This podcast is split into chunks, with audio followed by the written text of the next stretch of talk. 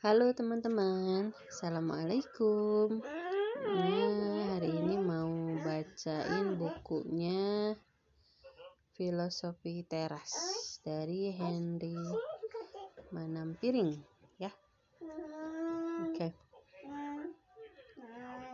Ini adalah salah satu tugas ya dari Ridaton. Jadi saya ikutan Ridaton itu membaca maraton.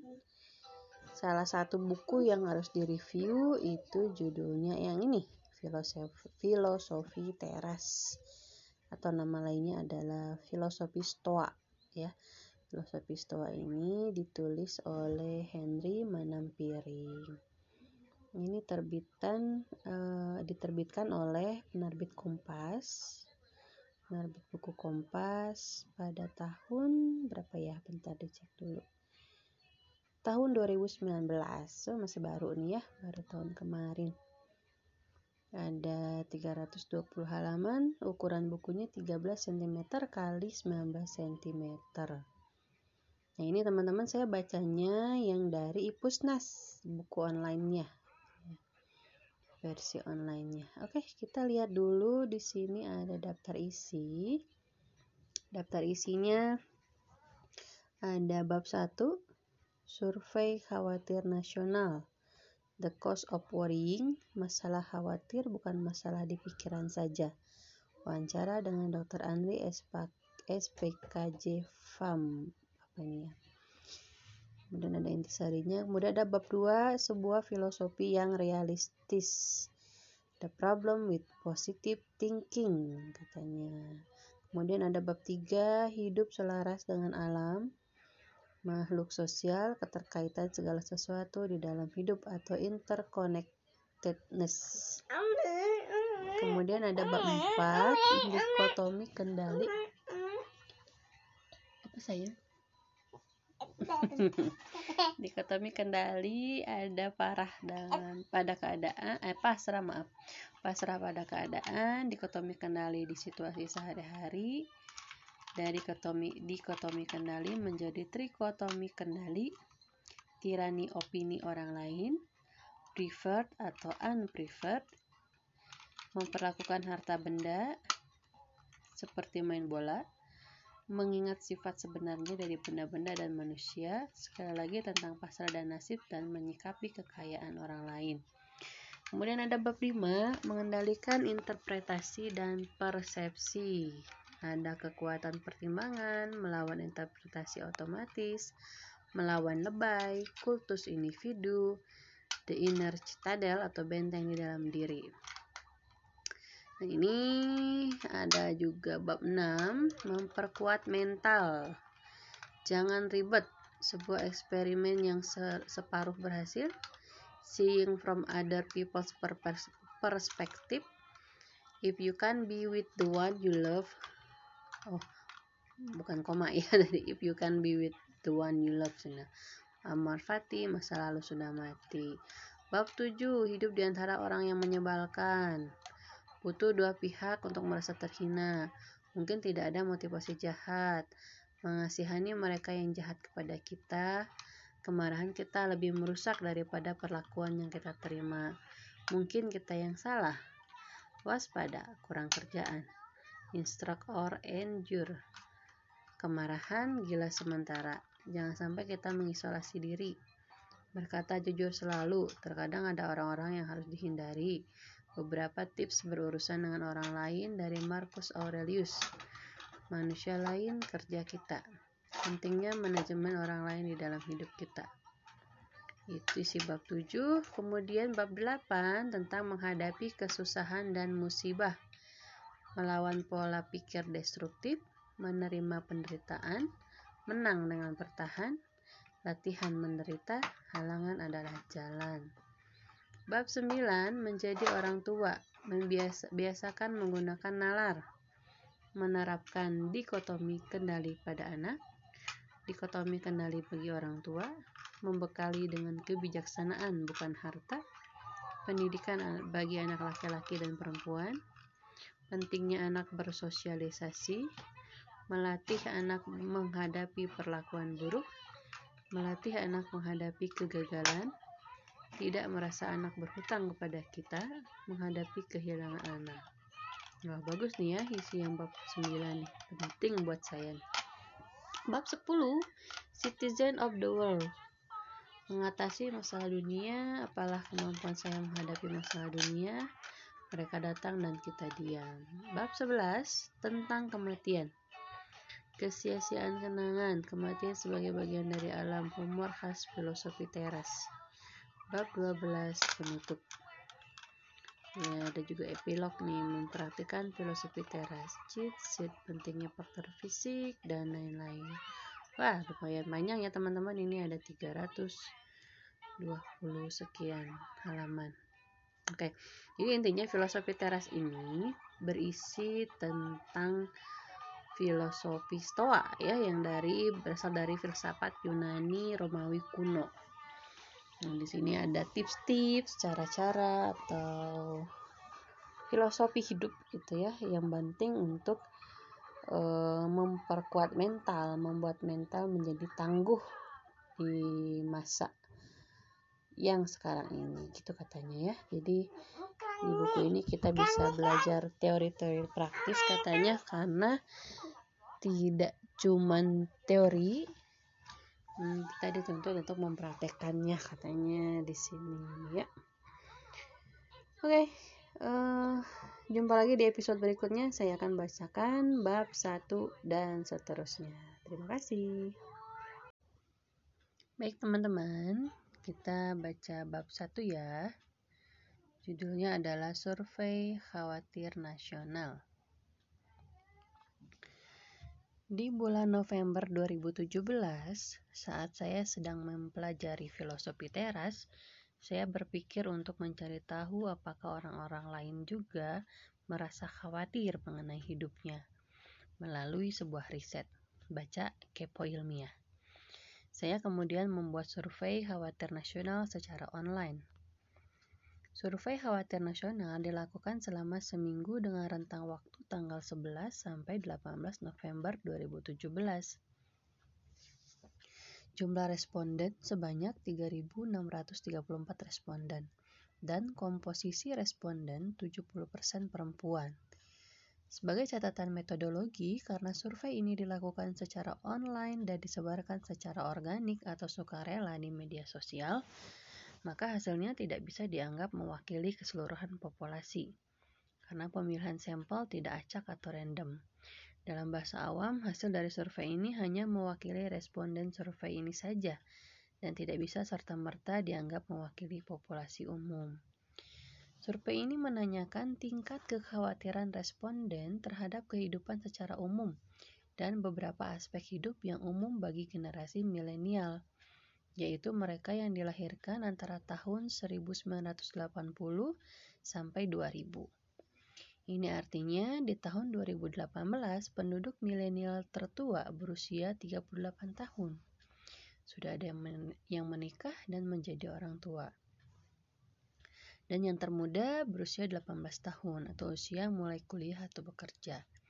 Karenanya, survei khawatir nasional ini juga menanyakan tingkat kekhawatiran di beberapa aspek hidup yang dirasa relevan, yaitu sekolah atau studi, relationship, pekerjaan atau bisnis, sampai topik yang lebih besar seperti kondisi sosial politik di Indonesia. Pertanyaan mengenai rasa khawatir selalu menggunakan skala 4 poin, yaitu sangat tidak khawatir, tidak khawatir, sedikit khawatir, sangat khawatir. Skala ganjil dihindari untuk menghindari kebiasaan banyak orang memilih tengah-tengah saja. Hmm. Bagaimana hasilnya? A. Ketika ditanyakan mengenai tingkat kekhawatiran tentang hidup secara keseluruhan saat ini, hasilnya adalah 63% atau hampir dua dari tiga responden mengaku merasa lumayan khawatir atau sangat khawatir tentang hidup secara umum. B. Dari responden yang masih bersekolah atau kuliah, separuhnya 53% merasa khawatir dengan pendidikan mereka. Tiga penyebab kekhawatiran dan tertinggi. Tiga penyebab kekhawatiran tertinggi adalah tugas atau paper yang tidak lancar, hilangnya motivasi belajar, dan nilai jelek atau tidak lulus. Biaya ada di urutan keempat, dipilih oleh seperempat dari mereka yang khawatir mengenai pendidikan mereka. C. Untuk responden yang berada di dalam relationships atau pacaran atau menikah, mereka yang mengaku agak khawatir dan sangat khawatir mengenai hubungan mereka ternyata minoritas dengan persentase 30%. Ini artinya mereka yang tidak khawatir mengenai relationships, pacaran atau pernikahan lebih banyak daripada yang merasa khawatir. D. Bagi mereka yang merasa khawatir soal relationship mereka, tiga kekhawatiran utama adalah satu, relationship mau dibawa ke mana? Udah kayak lagu aja ya. Dua, relationship yang terasa sudah hambar. Tiga, pasangan selingkuh sangat dekat dengan pilihan keempat yaitu hubungan tidak direstui orang tua. Hmm. E, bagaimana responsi eh maaf, bagaimana dengan responden jomblo? Apakah yang jomblo merasa tidak khawatir soal status jomblo mereka? Ternyata hasilnya tidak. Tingkat kekhawatiran jomblo mengenai kejombloan mereka ternyata sama dengan kekhawatiran mereka yang sudah berpasangan mengenai hubungan pasangan mereka yaitu sekitar sekitar 30% dari responden. Jadi dari hasil survei ini bisa saja bisa terlihat kalau memiliki pasangan tidak membuat kekhawatiran kamu lebih berkurang dibandingkan dengan saat kamu jomblo.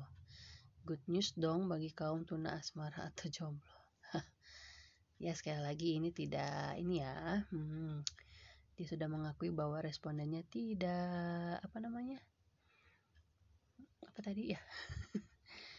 Tidak random. Ya kurang acak kurang random. Oke. Kita lanjut. Eh di antara mereka yang mengaku agak atau sangat khawatir soal status jomblo mereka tiga kekhawatiran utamanya adalah satu khawatir tidak akan pernah mendapatkan pasangan dua khawatir dengan umur Tiga, khawatir tidak menarik lagi. Hmm. Karena perasaan, karena penasaran dan kepo, saya menanyakan kepada para jomblo yang tidak khawatir soal relationships mengenai apa alasan mereka tidak khawatir. Hasilnya, tiga alasan tertinggi mereka tidak khawatir dengan kejombloannya adalah satu, memang sedang senang sendiri. Dua, jodoh di tangan Tuhan. Dipilih separuh dari mereka yang tidak khawatir. Tiga, sedang terlalu sibuk di kehidupannya untuk punya waktu memikirkan pasangan. G. Bagi mereka yang memiliki pekerjaan atau bisnis, kekhawatiran akan pekerjaan atau bisnis dialami oleh sekitar sepertiga responden atau 33%. Kekhawatiran terbesar mengenai pekerjaan atau bisnis adalah satu, stuck di karir sekarang. Maaf, saya ulangi. Satu, stuck di karir sekarang. Dua, gaji tidak mencukupi. 3. Khawatir performa di kantor tidak memuaskan. H. Mengenai aspek keuangan, sekitar separuh responden atau 53% mengakui khawatir atau stres soal kondisi keuangan mereka. Bayangkan, satu dari dua responden khawatir soal ini. I. Kekhawatiran sebagai orang tua. Menjadi orang tua umumnya adalah fase hidup yang dinanti-nantikan oleh banyak orang – tetapi siapa sangka menjadi orang tua juga bisa jadi sumber kekhawatiran loh. Ternyata separuh responden orang tua atau 53% mengaku merasa khawatir, sama dengan proporsi mereka yang khawatir soal uang. Apa saja yang dikhawatirkan saat menjadi orang tua? Yang pertama, biaya sekolah anak. Opsi ini dipilih oleh lebih dari separuh responden orang tua yang merasa khawatir bagi yang akan menikah dan menjadi orang tua, apakah sudah memikirkan ini? Memiliki anak memang sumber kebahagiaan yang besar, tetapi jika kita tidak siap dengan biaya pendidikan yang ke depan, hal ini malah bisa menjadi sumber kekhawatiran. Yang kedua adalah anak sakit atau kecelakaan. Yang ketiga, biaya kesehatan anak. Surprisingly, atau tidak, dua dari tiga kekhawatiran utama para orang tua berkaitan dengan uang. Masalah lain seperti kenakalan anak, penyalahgunaan narkoba, dan ibadah anak atau agama ternyata berada di bawahnya. J. Sosial politik. Surprise. Atau enggak ya? Kondisi sosial politik ternyata menjadi sumber kekhawatiran terbesar dengan 76% atau tiga dari empat responden merasa agak atau sangat khawatir mengenai ini. Berikut tiga kekhawatiran tertinggi mengenai kondisi sosial politik. Politik. Yang pertama hoax atau fake news. Yang kedua diskriminasi suku dan agama makin meningkat. Yang ketiga bangkitnya kaum radikal atau intoleran. Bisa dibayangkan saat kita memasuki tahun pemilihan presiden 2019 nanti, mungkin saja tingkat kekhawatiran semakin meningkat ketika suhu politik memanas.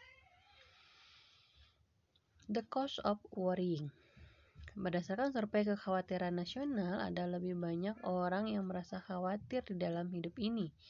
Dengan dua dari tiga responden merasa khawatir secara umum. Aspek hidup yang berbeda memiliki tingkat kekhawatiran yang berbeda pula relationship ternyata tidak menjadi sumber kekhawatiran tertinggi. Sementara peran menjadi orang tua dan keuangan cukup menjadi kekhawatiran.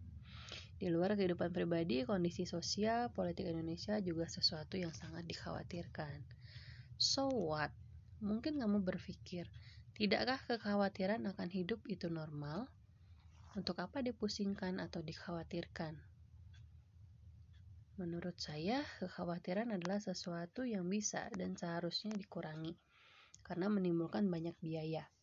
Apa saja biaya dari kekhawatiran? Satu, menghabiskan energi pikiran. Berpikir termasuk ke dalamnya merasa khawatir berlebihan adalah aktivitas yang membutuhkan energi. Artinya, setiap kalori energi tubuh yang dipakai untuk khawatir adalah kalori yang tidak bisa digunakan untuk hal-hal lain yang lebih produktif. Dua, menghabiskan waktu dan juga uang. Saat kita khawatir soal studi, orang tua, keuangan, atau sosial politik negara tanpa menghasilkan solusi, kita akan membuang waktu yang sebenarnya bisa digunakan untuk hal-hal lain yang lebih berguna. Tidak hanya waktu, kekhawatiran juga bisa menghabiskan uang. Apabila rasa khawatir tersebut membuat kita mengeluarkan uang untuk hal-hal yang dianggap menenangkan pikiran, padahal tidak efektif, Misalnya, sebagian orang yang merasa khawatir menjadikan makanan sebagai pelipur lara, berkelakuan menyebalkan di depan keluarga dan teman-teman sekitar atau memutuskan untuk kawin lagi dan lain sebagainya. Tiga, mengganggu kesehatan tubuh. Masih banyak orang yang memisahkan kebutuhan pikiran dan tubuh. Seolah-olah apa yang terjadi di pikiran tidak memiliki hubungan dengan tubuh fisik kita. Padahal sudah lama para ilmuwan kesehatan menemukan bahwa pikiran dan kesehatan tubuh memiliki hubungan dua arah yang saling mempengaruhi. Untuk topik ini, saya khusus mewawancarai Dr. Andri, seorang spesialis kesehatan jiwa yang tergabung dalam Academy of Psychosomatic Medicine USA. Masalah khawatir bukan masalah di pikiran saja, katanya. Nah, bagaimana latar belakang sampai dokter memilih kuliah psikiatri dan kemudian mendalami psikosomatik medicine? Ini kata dokternya nih ya. Saya lahir dan besar di Tangerang. Saya memilih bersekolah di SMA negeri karena zaman dulu katanya lebih mudah masuk ke FKUI atau Fakultas Kedokteran Universitas Indonesia kalau datang dari sekolah negeri. Saat memulai kuliah di tahun 1997, pembangunan lagi berjalan pesat-pesatnya. Indonesia saat itu baru mengenal istilah konglomerat. Waktu itu saya kepikir kalau jadi pengusaha harus seperti konglomerat yang punya sifat makanin orang. Kayaknya cara mendapatkan duitnya kok kurang bagus. Jadi saya memikirkan profesi apa yang bisa mendapatkan uang tapi juga menolong orang. Karena kondisi keuangan, papa nggak mungkin menyekolahkan saya ke sekolah kedokteran swasta. Selain mahal, lulusnya nggak jelas. Kalau nggak masuk UI, saya harus masuk swasta. Nah, seperti umumnya orang keturunan Cina kebanyakan, swasta yang saya pilih waktu itu adalah UTAR atau Universitas Tarumanegara. Tapi ngambilnya teknik sipil karena jargon pembangunan. Mikirnya nanti kalau lulus banyak yang pakai, tapi ternyata saya lulus UMPTN, FKUI. Sesudah menjadi mahasiswa kedokteran, mengapa tertarik untuk mengambil jurusan psikiatri? Kalau keinginan menjadi psikiater sendiri sudah sejak dari kuliah tingkat satu. Buku yang berpengaruh kenapa saya memilih psikiatri adalah The Doctors, karya Erich Segal. Salah satu tokoh di buku itu adalah seorang psikiater lulusan Harvard. Di situ saya mengenal konsep Freudian dan mulai membeli buku-buku mengenai Freud atau Sigmund Freud, bapak psikoanalisis di tingkat dunia, di tingkat dua. Maaf. Kemudian, dulu kan ada mata kuliah ilmu budaya dasar. Kebetulan di kampus saya mata kuliah tersebut dibawakan oleh seorang psikiater. Dia bicara tentang cara memahami perilaku manusia, bagaimana menciptakan kebiasaan, dan dia selalu bilang kalau ingin mempelajari kebiasaan dan otak manusia, belajarlah psikiatri. Kalau hanya belajar psikologi, sepertinya hanya mempelajari perilakunya saja. Sementara kalau kita belajar psikiatri, karena kita seorang dokter, kita juga tahu sakitnya bagaimana. Kita tidak kehilangan sense of doctor dengan menjadi psikiater. Dan di situ saya terpikir, berarti di profesi ini saya bisa bantu orang, bantu banyak orang nih. Hmm. Dalam perjalanannya, sesudah lulus kedokteran, saya langsung mengambil spesialisasi psikiatris. Zaman dulu kita bisa langsung mengambil spesialis tanpa harus PPT. Kenapa psikiatri? Karena menarik, karena bisa mempelajari perilaku manusia dan sebagai dokter kita tahu bahwa sumbernya di otak. Semua fenomena bisa dijelaskan di otak kita. Masalahnya ilmunya belum nyampe aja sehingga kita belum bisa menjelaskan kenapa orang bisa menjadi depresi, jadi cemas dan lain-lain. Saya menjadi dokter dan mengambil psikiatri untuk melawan stigma bahwa psikiater itu hanya ngurusi orang gila aja. Secara statistik di Indonesia dari survei kesehatan dasar rumah tangga 2012 sebenarnya yang psikotik yang disebut gila itu hanya 0,7 persen. Jadi pekerjaan psikiater sebenarnya lebih banyak merawat yang depresi cemas dari berbagai literatur bisa 20 sampai 30 persen. Siden. Kalau ketertarikan pada pengobatan psikosomatik atau bagian dari ilmu psikiatri yang menghubungkan psikiatri dan disiplin kedokteran lainnya, seperti penyakit dalam, alergi, syaraf, dan lain-lain. Di tahun kedua belajar psikiatri, saya berkenalan dengan psikosomatik. Di Indonesia, psikosomatik ada dua sisi, dari sisi penyakit dalam dan dari sisi psikiatri. Kalau penyakit dalam lebih ke organ, karena dulu ada istilah penyakit-penyakit psikosomatik, seperti hipertensi, neurodermatitis, asma bronchiale, dan lainnya. Ini adalah penyakit-penyakit yang dianggap banyak hubungannya dengan psikologi. Makanya ada istilah seperti lo jangan marah-marah melulu dong, nanti darah tinggi. Nanti kalau stres lambung lo sakit. Jadi sebenarnya orang sejak dulu sudah mengetahui adanya psikosomatik. Alasan lain memilih psikosomatik, di ilmu kedokteran ada sebagian spesialisasi yang merasa dirinya lebih tinggi dari yang lain psikiatri ini dianggap nggak terlalu medis, terlalu banyak memikirkan kejiwaan yang tidak ada hubungannya dengan kedokteran. Ada anggapan bahwa sesudah menjadi psikiater, kami nggak bakal lagi menjadi dokter. Kami hanyalah psikolog yang bisa mengobati dengan obat. Jadi sederhananya, sederhananya apakah itu pengobatan psikosomatik? Di ilmu pengobatan psikosomatis dijelaskan bahwa apa yang terjadi di otak kita bisa mempengaruhi badan secara keseluruhan. Maka tidak heran ada orang stres mengalami tegang leher. Kalau sakit kepala bisa kemudian mengalami sakit lambung juga karena ada interconnection atau keterkaitan. Kita sebagai psikiater nggak cuma bilang kamu ini sakit kepala karena banyak mikir, Betul, saya lagi mikirin utang sampai jadi sakit kepala. Tapi pertanyaannya, kenapa jadi sakit kepala? Karena dengan mikirin hutang, otak saya bekerja lebih keras. Stres, karena hutang itu persepsi negatif. Ketika ada persepsi negatif, otak harus bekerja keras untuk beradaptasi dengan persepsi negatif itu. Otak kita selalu berusaha agar segala sesuatu menjadi seimbang. Ketika ada persepsi negatif, maka otak itu akan mencoba beradaptasi. Jadi, bagaimana stres bisa merusak kesehatan tubuh kita? Ada quote dari Hans Seyle, bukan stres yang membunuh kita, tapi reaksi kita terhadapnya. Karena sebenarnya masalahnya bukan di stres itu sendiri, tapi persepsi kita. Misalnya, duh jalanan macet nih, atau utang gue banyak. Itulah yang menyebabkan badan mengeluarkan zat. Pertama, respon adrenalin meningkat. Adrenalin meningkatkan tekanan darah karena jantung menjadi makin berdebar, pembuluh darah menyempit, dan karenanya kepala kita menjadi tegang. Dalam jangka panjang, kondisi seperti ini akan meningkatkan hormon stres, namanya kortisol. Kortisol ada zat yang sifatnya oksidatif, merusak apa pun di dalam tubuh kita. Jika dia menempel di pankreas, dia meningkatkan insulin, makanya ada orang yang kalau stres bawaannya mau makan. Badannya memanggil-manggil karena berpikir dia sedang membutuhkan energi. Jika stresnya akut atau sementara, maka reaksi tubuh juga sementara. Tapi jika stresnya lama, maka reaksi tubuh juga akan lama. Makanya saya suka bilang pada pasien jangan stres lama-lama, nanti adaptasinya berubah. Nanti Anda tidak tahu lagi bahwa Anda sedang stres karena sudah terbiasa hidup dalam stres.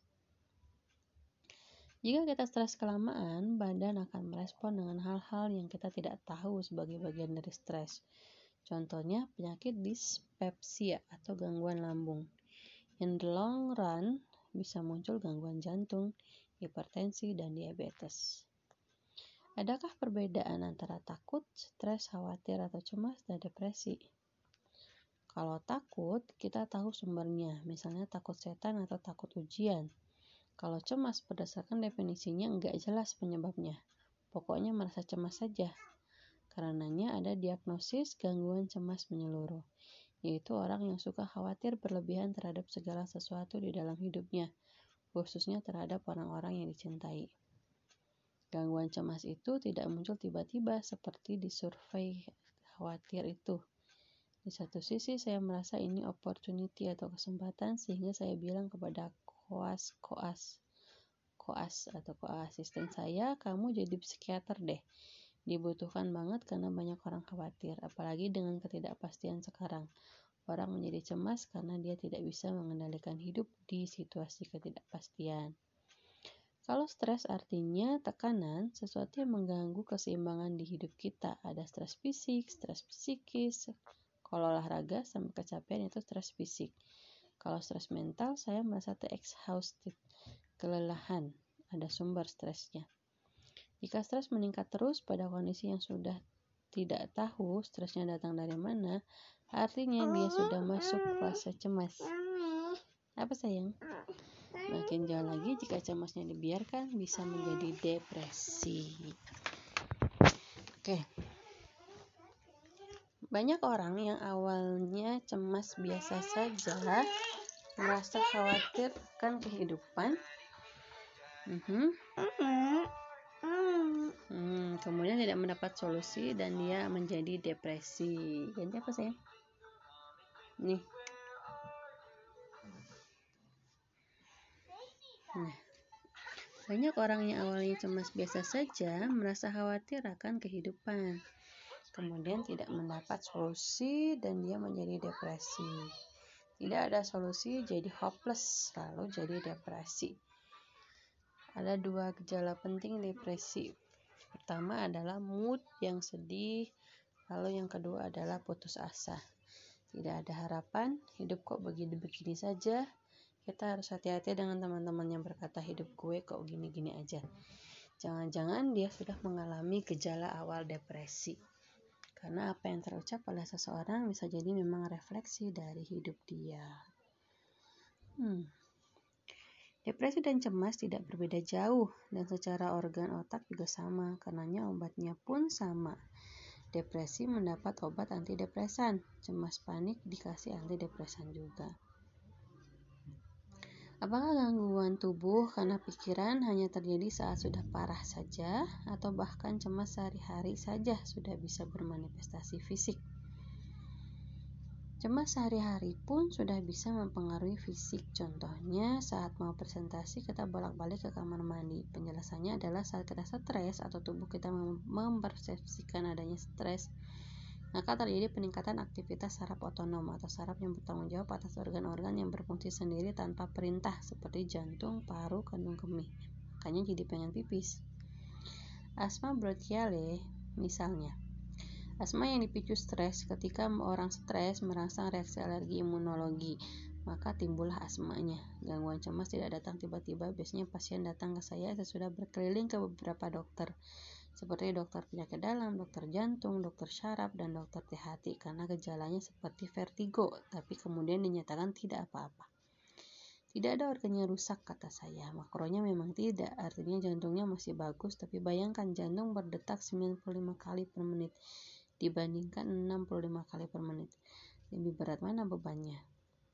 Bisakah saya artikan bahwa pesannya di sini adalah jangan anggap remeh, khawatir, atau cemas kecil yang terjadi sehari-hari. Secara umum kita memiliki kemampuan adaptasi. Bayangkan stress threshold sebagai gelas. Lalu kita isi sedikit-sedikit dengan stres. Kita harus cari tahu cara supaya gelas itu tidak terlalu penuh. Dikeluarkan sedikit-sedikit. Caranya macam-macam. Misalnya dengan berbicara. Kadang-kadang kita feeling relief atau lega hanya dengan berbicara kepada orang lain atau rekreasi. Mengapa saya katakan persepsi itu penting? Contoh, liburan itu lebih melelahkan dibandingkan praktek atau kerja. Jalan ke sana sini, tapi rasanya senang karena kita berkumpul bersama keluarga.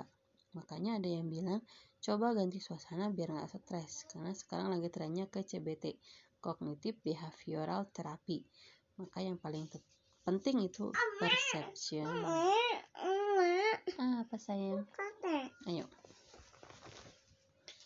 Catat hal-hal dalam hidup yang bisa atau pernah membuat kita bahagia. Misalnya ngobrol, olahraga, punya teman. Lalu lakukan aktivitas yang membahagiakan. Oke. Okay. Enggak.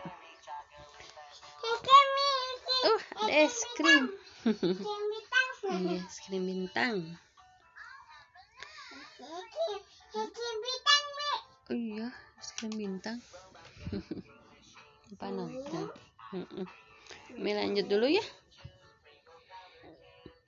hmm, mana tadi depression hurts Depresi itu melukai, melukai otak, tetapi juga bisa diartikan melukai orang-orang di sekitar penderita. Karena penderita memandang segala sesuatu gelap. Apakah artinya manajemen cemas sehari-hari sama dengan manajemen persepsi? Benar. Misalnya terjebak di tengah macet, wah sialan gue nggak bisa jalan itu persepsi negatifnya. Tapi persepsi positifnya, wah terjebak macet di jalan di sebelah cewek cakep atau istri, gue bisa ngobrol lama-lama sama dia. Sama macetnya, tapi beda cara bersikapnya. Mengapa? Karena beda persepsi. Dan jadinya less stress bagi kita. Benarkah bahwa saat ini lebih banyak orang muda yang berkonsultasi dengan psikiater? Yang saya amati memang seperti itu. Penyebabnya beberapa mereka semakin well informed mengenai kesehatan jiwa. Awalnya adalah para sarjana yang sebelumnya kuliah di luar negeri yang kemudian kembali ke Indonesia untuk menetap. Masalah timbul karena penyesuaian. Mulanya pas kuliah di luar negeri mereka culture shock. Sudah lama di sana dan menyesuaikan diri dengan budaya di sana saat kembali ke Indonesia kembali culture shock. Belakangan makin banyak yang datang karena isu relationship. Baper, galau itu kan bahasa awamnya, tetapi dalam bahasa kedokteran ada beberapa perilaku baper atau galau yang sudah masuk sindrom depresi. Ketika dia kehilangan seseorang yang sangat dia sayangi, dia merasa terganggu.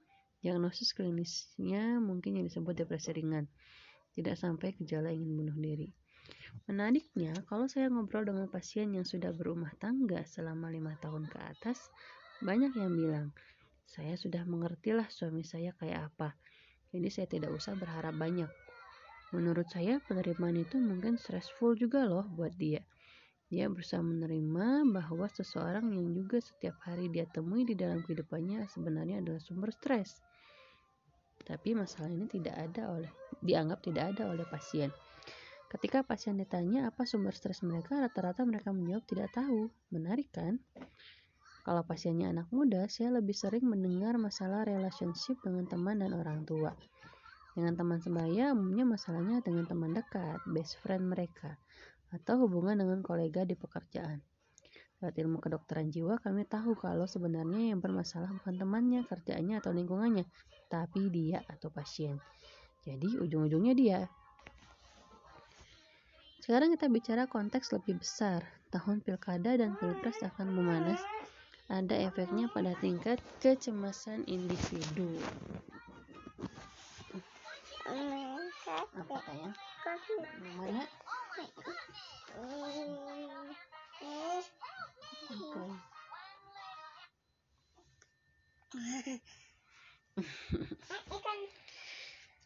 Oke, okay, mungkin kita harus membatasi punya WhatsApp group. Saya percaya too much information will kill you. Terlalu banyak informasi dari mana-mana. Informasi itu belum tentu benar.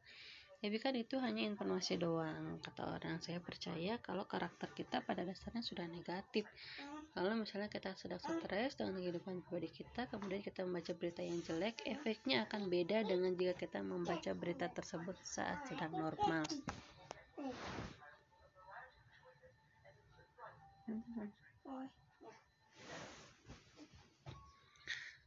Dulu ada situs abal-abal, sekarang sudah jarang orang abal-abal yang banyak, yaitu teman-teman kita sendiri yang turut menyebarkan berita hoax. Apakah mereka memang kerjanya seperti ini ya? Sebenarnya kalau kita sibuk harusnya tidak terlalu banyak main media sosial. Kok mereka kayaknya terus-terusan gitu, selalu ada waktu. Adakah pesan-pesan untuk membaca? Coba kenali sumber stresnya. Kalau kita merasa sedang berada dalam keadaan sebuah keadaan, kenali kenapa. Kalau kita bisa mengenali sumbernya, maka kita bisa melawannya. Catat hal-hal dalam hidup yang bisa atau pernah membuat kita bahagia. Misalnya olahraga, ngobrol, punya teman, lalu lakukan aktivitas yang membahagiakan. Itu catatan Dr. Andri SP KJFAPM.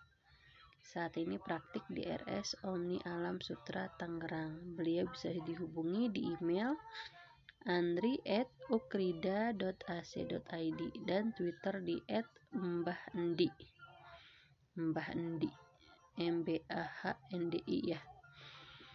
Inti sehari wawancara dengan Dr. Andri, kondisi psikis berkaitan dengan kesehatan tubuh kita Dua, jika dalam keseharian kita terbiasa hidup dengan cemas dan stres dalam jangka waktu panjang, maka tubuh juga beradaptasi dalam rentang waktu tersebut. Bukan situasi penyebab stresnya yang menjadi masalah, tetapi persepsi kita akan situasi tersebut. Manajemen cemas sama dengan manajemen persepsi. Dengan media sosial, kita mengalami banjir informasi yang belum tentu benar. Ini bisa menambah kekhawatiran. Oke, itu bab satu teman-teman. Kita lanjut lagi nanti di bab 2 ya. Terima kasih. Halo teman-teman, kita lanjut ke bab 2. Bab 2 ini judulnya adalah sebuah filosofi yang realistis. Oke. Dulu saya sering kagum dan iri pada teman-teman yang punya kepribadian ceria, ekstrovert, dan rasanya hidupnya tidak ada masalah. Rasanya setiap bertemu mereka, senyum dan canda tawa selalu mengelilingi keseharian mereka. Ini sungguh kontras dengan penampilan saya yang selalu digambarkan terlalu serius. Jika berjalan saja, saya sering menundukkan kepala. Karenanya, dulu saya terkadang memikirkan bagaimana mengubah kepribadian saya. Bagi saya, seseorang yang bahagia harus seperti teman-teman saya tadi, selalu tampak tersenyum dan tertawa. Bisa ditebak, usaha mengubah, mengubah kepribadian ini gagal total. Cetakan saya sudah seperti ini. Saya mulai berpikir, bisakah saya bahagia tanpa mengubah kepribadian asli saya? The problem with positive thinking. Setelah membaca hasil survei khawatir nasional dan mendengarkan penjelasan Dr. Andri, saya jadi berpikir bahwa kekhawatiran sehari-hari bukanlah sebuah kondisi yang bisa dianggap remeh. Selain membuat kita jadi sulit merasakan damai, ada resiko lain yaitu ancaman atas kesehatan fisik kita sendiri. Terus bagaimana dong solusinya? Adakah cara mengatasi kekhawatiran sehari-hari dan juga emosi negatif lainnya? Saya dikenal memiliki karakter yang pesimis dan sering kali berpikiran negatif. Ketika berkumpul dengan teman-teman atau keluarga, lalu ada yang mengusulkan ide untuk bersenang-senang, saya pasti mampu melihat semua kemungkinan buruk yang bisa terjadi dari ide tersebut. Yuk kita main ke tempat paling gaul saat ini. Saya, ah males, nanti sudah capek mengantri paling gak dapat tempat. Yuk jalan-jalan keluar kota. Saya, Ah, nanti macet, hanya capek saja jadinya. Yap, bisa terbayangkan betapa populernya saya di pertemanan. Seringkali nasihat yang saya dapatkan adalah jangan berpikiran negatif melulu dong. Think positif aja.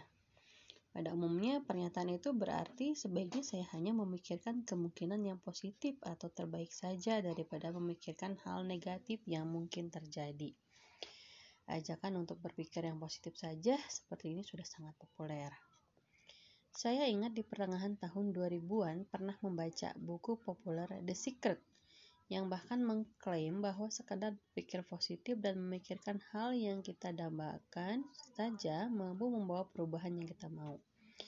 Saya sudah berpikir keras supaya Gal Gadot menghubungi saya, tapi tidak kejadian tuh. Nah, yang nggak tahu Gal Gadot itu adalah pemeran wanita yang cantik dan seksi di film. Hmm. Oke, okay. perkembangan terakhir ilmu psikologi justru menemukan adanya potensi masalah dengan anjuran berpikir positif. Artikel The Problem with Positive Thinking menyebutkan bahwa positive thinking justru sering menghambat kita. Beberapa eksperimen menunjukkan mereka yang menerapkan positive thinking dalam berusaha mencapai tujuannya sering kali memperoleh hasil yang lebih buruk dibandingkan dengan mereka yang tidak menerapkan positive thinking. Positive thinking menipu pikiran kita. Beranggapan seolah-olah kita sudah mencapai apa yang kita inginkan sehingga melemahkan keuletan kita dalam berusaha mencapainya. Namun sebaliknya, sekadar menyuruh orang berpikir realistis saja juga tidak memberikan hasil yang lebih baik. Penulis artikel tersebut mengusulkan mental contrasting, yaitu menggabungkan positive thinking atau membayangkan hasil yang diharapkan telah tercapai dengan memikirkan hambatan-hambatan apa saja yang akan ditemui. Penelitian menunjukkan peserta eksperimen yang dilakukan mental contrasting ini memperoleh pencapaian yang lebih baik dibandingkan dengan mereka yang hanya membayangkan hal-hal positif saja atau yang hanya membayangkan hal negatif saja. Artikel di The Tyranny of Positive Thinking Can Threaten You can, eh, maaf saya ulangi Artikel The Tyranny of Positive Thinking Can Threaten Your Health and Happiness.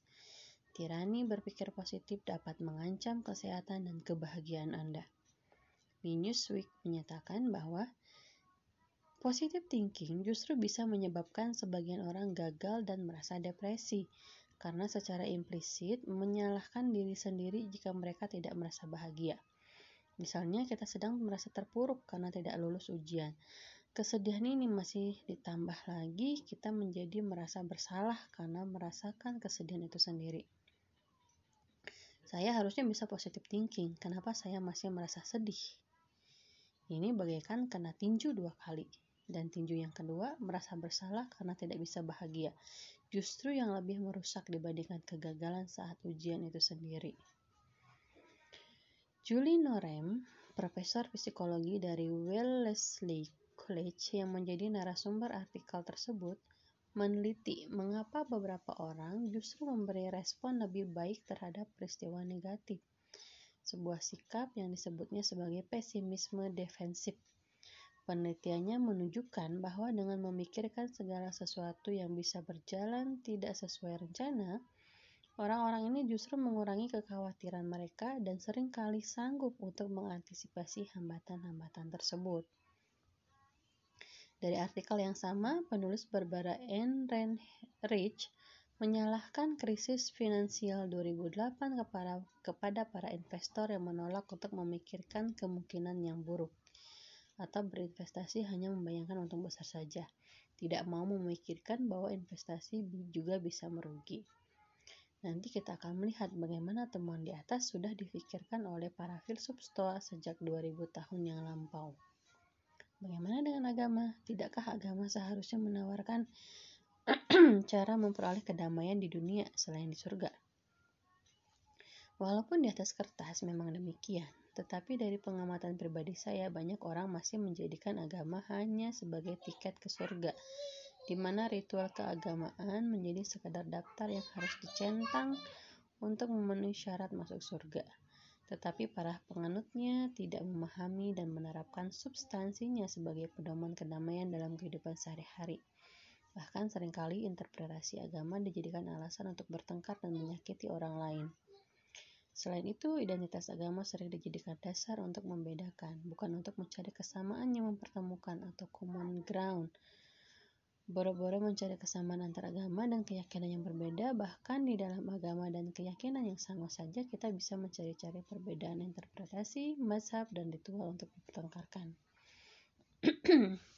Ini sebenarnya sangat disayangkan, karena berbagai agama menawarkan mutiara kehidupan yang kaya dan saling melengkapi tetapi label identitas agama yang berbeda-beda justru bisa mendirikan tembok-tembok yang memisahkan.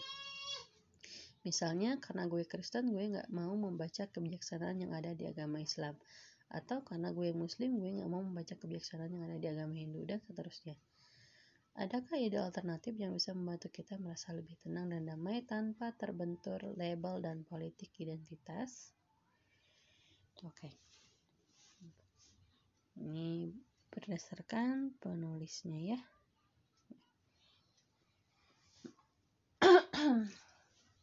Ya filosofi teras. Kira-kira 300 tahun sebelum Masehi atau sekitar 2300 tahun yang lalu, seorang pedagang kaya dari Sifrus atau sebuah pulau di selatan Turki bernama Zeno melakukan perjalanan dari Ponisia ke Piraeus Piraeus dengan kapal laut melintasi Laut Mediterania. Zeno membawa barang dagangan khas daerah Phoenicia, yaitu semacam pewarna tekstil berwarna ungu yang sangat mahal yang sering dipakai untuk mewarnai jubah raja-raja. Warna ini dibuat dari ekstrak siput laut dan proses pembuatannya sangat melelahkan karena ribuan siput laut ini harus dibuka dengan tangan hanya untuk mendapatkan beberapa gram ekstrak pewarna. Karenanya tidak heran barang ini sangat berharga dan mahal. Malang tidak bisa ditolak kapal yang tumpangi Zeno karam. Zeno tidak hanya kehilangan seluruh barang dagangannya yang teramat mahal, tetapi ia juga harus terdampar di Athena. Ini tentunya sebuah cobaan yang besar, tidak hanya kehilangan harta benda, tetapi juga harus menghadapi orang asing yang yang luntang-lantung di kota yang bukan rumahnya. Suatu hari di Athena, ia pergi mengunjungi sebuah toko buku dan menemukan sebuah buku filsafat yang menarik hatinya. Ia bertanya kepada si pemilik toko, "Di manakah ia bisa bertemu dengan filsuf-filsuf seperti penulis buku ini?" Kebetulan saat itu melintaslah Krates, seorang filsuf aliran sinik, dan sang penjual buku menunjuk kepadanya. Zena pun pergi mengikuti Krates untuk belajar filsafat darinya. Zeno kemudian belajar dari berbagai filsuf yang berbeda dan kemudian ia pun mulai mengajar filosofi, filosofinya sendiri. Dia senang mengajar di sebuah teras berpilar dalam bahasa Yunani disebut stoa. Hmm, stoa itu artinya teras yang berpilar yang terletak di sisi utara dari agora atau tempat publik yang digunakan untuk berdagang dan berkumpul. Mungkin semacam alun-alun Yunani kuno ya di kota Athena. Sejak saat itu, para pengikutnya disebut kaum Stoa. Dalam proses penulisan buku ini, saya menemukan banyak orang sulit menyebutkan stoicisme. Stoicisme. Karenanya, untuk memudahkan judul buku, saya menyebutnya filosofi teras. Terjemahan langsung dari kata Stoa. Dari Zeno, filsafat ini dilanjutkan dan dikembangkan oleh para filsuf lain, mulai dari Yunani sampai ke Kaisaran Romawi. Beberapa dari mereka adalah Chrysippus dari Soli, Yunani yang dianggap sebagai pendiri kota, eh, pendiri kedua Stoicisme, Cato the Younger dari Roma, seorang politisi dan negarawan yang terkenal karena berani menentang Julius Caesar, Lucius Seneca dari Roma, seorang filsuf, negarawan, penulis drama. Musonius Rufus dari Roma, mengajar filsafat di era Kaisar Nero. Epictetus dari Yunani, terlahir sebagai budak kemudian mendapat kebebasan dan tinggal di Roma. Dan Kaisar Marcus Aurelius yang dikenal sebagai salah satu dari lima kaisar yang baik atau the five good emperors. Stoicisme kemudian meredup di awal abad keempat ketika Kekaisaran Romawi mengadopsi agama Kristen sebagai agama resmi negara. Sekarang di abad 21 di belahan dunia barat, filosofi ini mulai populer kembali dengan buku-buku dan presentasi yang memperkenalkannya kembali ke publik sebagai karya-karya dari William Irvine, Tim Ferriss, Ryan Holiday, dan Massimo Pigliucci. Bahkan sekarang ada acara tahunan minggu tahunan minggu Stoa Stoic Week pada sekitar bulan Oktober hmm, sampai November. Oke. Okay di mana para peminat stoicisme dari seluruh dunia bisa bersama-sama melakukan refleksi dan mempraktikkan filosofi ini selama seminggu dengan panduan online. Ganti kata. Saat mempelajari stoicisme, saya menemukan filosofi ini jauh dari mengawang-awang atau lebih dari sekedar konsep yang abstrak dan intelek. Stoicisme bersifat sangat praktikal dan bisa diterapkan sehari-hari. Saya pribadi menemukan alternatif aku hidup meminjam istilah terjemahan Romo Setio Wibowo untuk way of life yang lebih baik dari ajaran positive thinking. Contoh sederhana bagaimana stoicisme telah mengubah karakter saya adalah sebagai berikut. Dahulu saya bisa berubah menjadi orang yang sangat pemarah jika terjebak di dalam kemacetan. Saya bisa sangat merasa stres, mengalami peningkatan detak jantung, dan sangat emosional di balik kemudi. Bayangkan, Bruce Banner mau berubah jadi Hulk, tapi minus jadi gede dan hijaunya aja. Bahkan saya saat saya hanya menjadi penumpang dan tidak perlu mengemudi pun saya masih mengalami kemarahan ini. Jika berada di tengah kemacetan, saya merasa stuck, terjebak, frustasi, dan hal ini membuat saya murka. Perilaku saya sudah sampai mengganggu keluarga. Setelah menemukan dan belajar dan mempraktikkan stoicisme, saya berubah drastis. Kemacetan sudah tidak membuat saya emosional lagi, bahkan ketika menghadapi perilaku pengguna jalan lain yang terkadang ajaib dan membuat saya ingin mengelus dada ayam. Efek dari stoicisme di hidup saya tidak hanya terbatas di situasi jalan raya. Oke. Yuk. Hmm. Efek dari stoicisme di hidup saya tidak hanya terbatas di situasi jalan raya. Stoicisme membantu saya dalam menjalani hidup sehari-hari dengan lebih tentram dan tidak mudah terganggu oleh hal-hal negatif. Kesialan, tekanan pekerjaan, sampai ke perilaku orang yang menyebalkan di sekitar. Karena saya telah merasakan manfaat mempraktikkan stoicisme. Saya ingin berbagi kepada orang lain melalui buku ini. Siapa tahu filosofi teras ini bisa membantu orang-orang lain seperti saya, minimal memulai ketertarikan untuk mempelajarinya lebih dalam. Satu hal yang saya temui saat mempelajari stoicisme adalah berapa banyak prinsip-prinsipnya yang serupa dengan yang diajarkan berbagai agama. Orang tua, nasihat kakek nenek, rasa saya rasa akan banyak dari kamu yang berpikir loh ini sama dengan ajaran agama saya atau eh ini kayak kata-kata orang zaman dulu ya atau ini seperti kuat tokoh besar yang itu. Atau mungkin kamu kenal langsung dengan orang yang sudah mempraktikkan prinsip-prinsip filosofi ini walaupun dia belum pernah membaca tentang stoicisme. Bagi saya prinsip stoicisme tersebut menunjukkan kebijaksanaan universal yang terkandung di dalamnya Selain itu, karena ini adalah sebuah aliran filsafat dan bukan agama atau kepercayaan, seharusnya tidak terjadi tembok dan benturan-benturan yang umum timbul dengan ide-ide yang memiliki label agama. Saya merasa kelebihan stoicisme adalah sifatnya yang kompatibel. Hmm.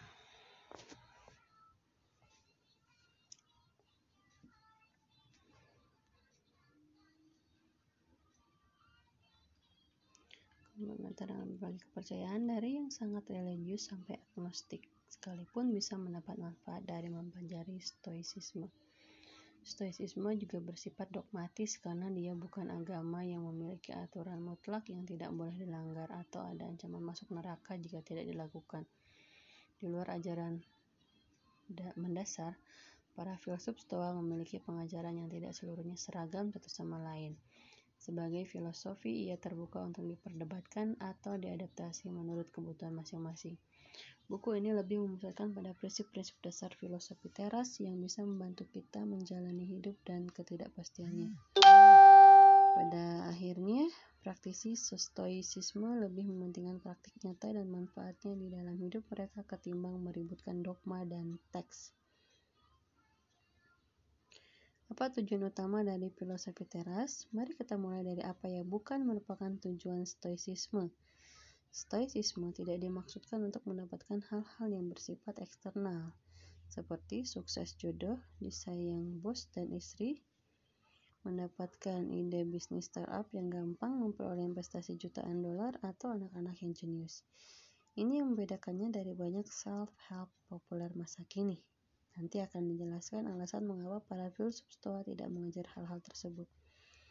Yang terutama yang dicapai oleh stoicisme adalah hidup bebas dari emosi negatif, sedih, marah, cemburu, curiga, baper, dan lain-lain, mendapatkan hidup yang tentram atau tranquil. Ketentraman ini hanya bisa diperoleh dengan memfokuskan diri pada hal-hal yang bisa kita kendalikan. Kita akan membahas lebih lanjut di bagian-bagian berikutnya. Dua, hidup mengasah kebajikan atau virtus. Ada empat kebajikan utama menurut Stoicisme. Satu, kebijaksanaan atau wisdom, kemampuan mengambil keputusan terbaik di dalam situasi apa pun. Dua, keadilan atau justice, memperlakukan orang lain dengan adil dan jujur.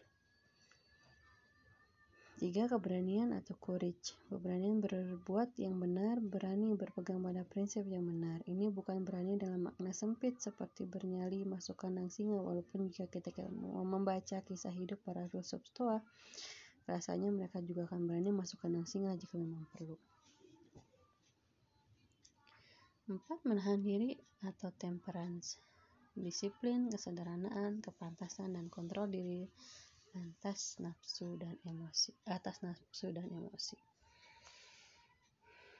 Saat saya mempelajari stoicisme saya menemukan bahwa kebahagiaan dalam pengertian umum bukanlah tujuan utama yang dicari dalam filosofi ini. Para filsuf stoa lebih menekankan pada mengendalikan emosi negatif dan mengasah virtu atau kebajikan atau terjemahan lainnya keutamaan Virtu dalam bahasa Inggris diambil dari kata dalam bahasa Latin virtus dan kata ini sendiri diambil dari bahasa Yunani arete. Dalam proses penerjemahan berlapis ini tentu ada makna yang hilang dan penting untuk kita mengetahui apa makna asli dari kata arete.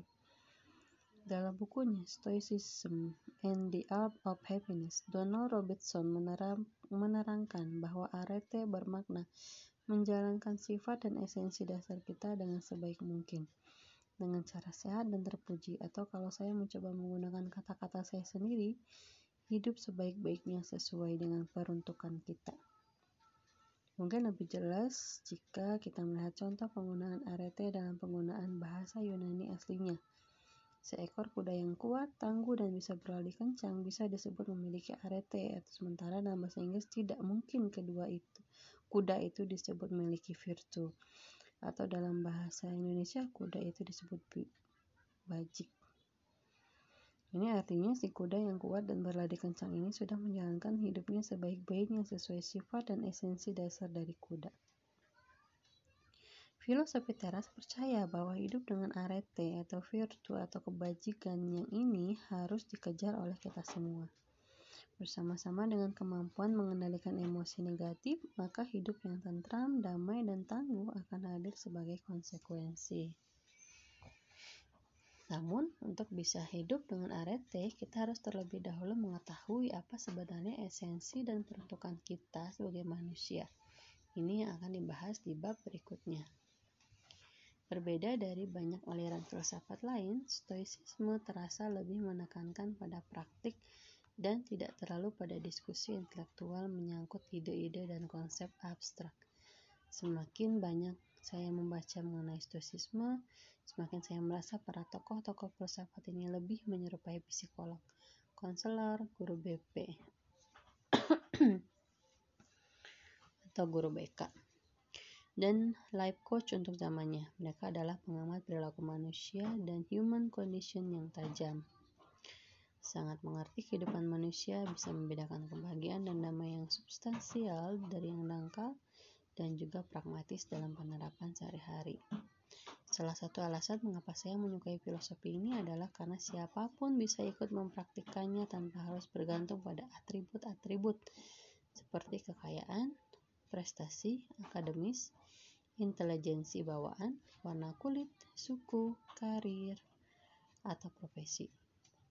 Stoicisme sama sekali tidak terpesona dan tidak mementingkan pencapaian-pencapaian dunia seperti kekayaan, kesuksesan karir, popularitas, dan lain-lain. Ini yang menjadikan stoicisme sebagai filosofi yang bersifat inklusif atau merangkul semua. Harta benda, popularitas, gelar akademisi yang melebihi panjang nama, hal-hal tersebut bukan definisi sukses dan juga bukan bukti bahwa seseorang mempraktikkan stoicisme. Ini tampak nyata dari latar belakang para filsuf stoa yang beragam, mulai dari politisi, kaisar, pedagang, sampai mantan budak. Sebaliknya, jika seseorang memiliki rasa tentram dan sukacita yang tidak mudah goyah, di situasi hidup apa pun, jika ia menunjukkan kepedulian sosial, jika ia hidup dalam kebajikan, maka inilah buah-buah dari praktik stoicisme. Seorang praktisi stoa seharusnya merasakan keceriaan senantiasa dan sukacita yang terdalam karena ia mampu menemukan kebahagiaannya sendiri dan tidak menginginkan sukacita yang lebih daripada sukacita yang datang dari dalam atau inner joy. Seneca on Happy Life.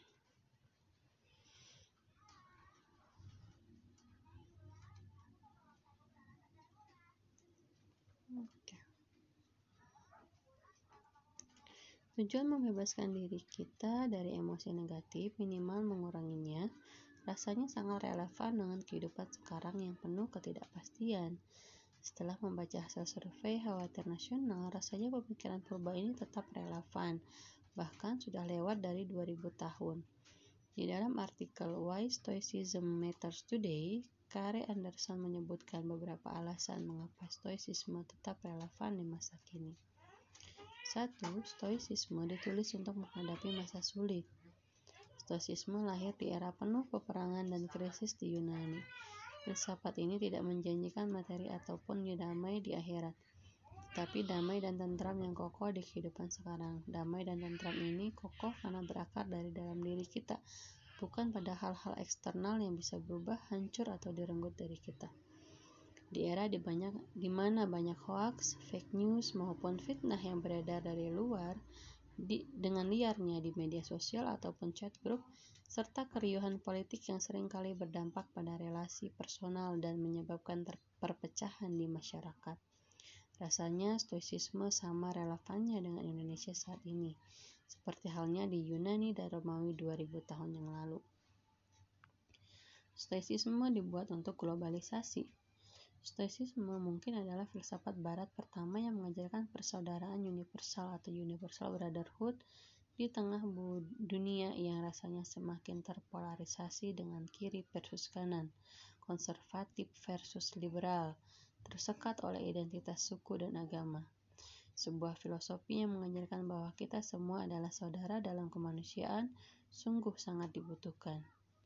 Ini juga pas dengan kondisi Indonesia yang terasa memanas karena politik, di mana label-label pemisah dan penyekat terasa semakin menguat.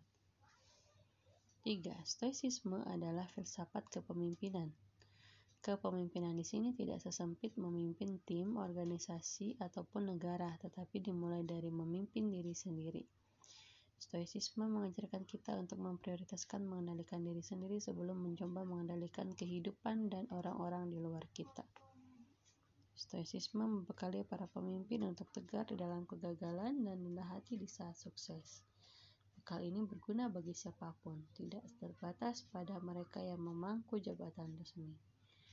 Buku The Daily Stoic memaparkan beberapa orang terkenal yang diketahui berdasarkan pengakuan langsung maupun tidak langsung tulisan-tulisan mereka mempelajari dan mempraktikkan stoicisme dalam kehidupannya seperti mantan Presiden Amerika Serikat Bill Clinton, aktris Anna Kendrick, aktor Tom Hiddleston, penulis J.K. Rowling, dan Nicholas Nassim Taleb, penulis favorit saya yang menulis buku keuangan The Black Swan.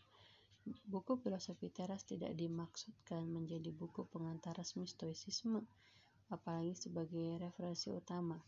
Buku kecil ini tidak mungkin cukup menjelaskan keseluruhan filosofi ini. Saya hanya mengambil inti-inti yang saya rasakan paling mudah dan relevan untuk kehidupan sehari-hari yang saya gabungkan dengan insight pribadi saya dan juga perspektif para praktisi dari bidang-bidang yang saya anggap relevan. Saya menganjurkan kamu untuk membaca lebih dalam dan menemukan sendiri filosofi ini secara lebih utuh, baik melalui tulisan-tulisan kontemporer mengenainya atau membaca tulisan tulisan dari tokoh filosofi ini secara langsung. Walaupun sayangnya hampir semua literatur yang saya baca masih menggunakan bahasa Inggris. Referensi di internet juga sangat banyak dari tulisan sampai video, meskipun lagi-lagi sebagian besar masih dalam bahasa Inggris. Anggaplah buku ini menjadi appetizer atau hidangan pembuka terhadap filsafat stoicisme dan semoga dari hidangan pembuka ini kamu tertarik untuk menyantap hidangan utama yaitu tulisan-tulisan mengenai stoicisme, baik dari penulis asli maupun penulis kontemporer lainnya. Mari kita mulai memasuki filosofi teras ini. Ini inti sari bab 2-nya. Yang pertama, filosofi teras atau stoicisme adalah aliran filsafat Yunani Romawi purba yang sudah berusia lebih dari 2000 tahun, tetapi masih relevan untuk kondisi manusia zaman sekarang. Yang kedua, sebagai fil sebuah filsafat, stoicisme bisa melengkapi cara kita menjalani hidup. Stoicisme bukan agama kepercayaan. Stoicisme mengandung banyak ajaran dan nilai-nilai universal yang mungkin kita dengar dari filosofi lain, nilai budaya atau agama. Tujuan umum dari filosofi teras adalah hidup dengan emosi negatif yang terkendali dan hidup dengan kebajikan atau virtue atau arate atau bagaimana kita hidup sebaik-baiknya seperti seharusnya kita menjadi manusia. Hmm. Ya, selesai di bab 2 teman-teman udah mulai sepet matanya kita istirahat dulu ya kita sambung lagi nanti di bab 3 terima kasih oke teman-teman kita lanjut ke bab 3 ya. Judulnya hidup selaras dengan alam. Saat menulis buku ini anak saya masih berusia 21 bulan. Jika memungkinkan, saya senang menyempatkan diri berjalan-jalan dengannya di kompleks perumahan saat pagi atau sore hari. Saya senang mengamati bagaimana dia berkembang dari bayi yang tidak bisa apa-apa hingga sekarang sudah mulai berjalan dan mencoba belajar berlari. Ada yang lucu dari caranya berlari yang belum sempurna. Tangannya masih lurus menggantung dan belum berayun layaknya cara berlari orang yang lebih dewasa. Dalam proses pertumbuhannya, kelak dia akan mengerti bagaimana cara berlari yang seharusnya. Sampai ia mengerti cara berlari yang seharusnya, ia selalu tampak kurang seimbang dan sepertinya bisa tersandung kapan saja. Oke. Satu prinsip utama stoicisme adalah bahwa kita harus hidup selaras alam, in accordance with nature. Jika kamu langsung mengantuk mendengar ini, atau tiba-tiba teringat pernah membuang sampah sembarangan, tunggu dulu. Hidup selaras alam dalam stoicisme tidak sesempit memelihara harmoni dengan lingkungan hidup. Seperti tidak membuang sampah sembarangan, mencemari lingkungan, atau mencintai dan melindungi satwa langka. Walaupun tentu hal-hal ini juga baik dilakukan. Di dalam stoicisme, alam atau nature dengan huruf natural dengan huruf pertama kapital di sini lebih besar dari lingkungan hidup serta mencakup keseluruhan alam semesta dan seluruh penghuninya. Dalam konteks nature dari manusia, stoicisme menekankan satu-satunya hal yang dimiliki manusia yang membedakannya dari binatang.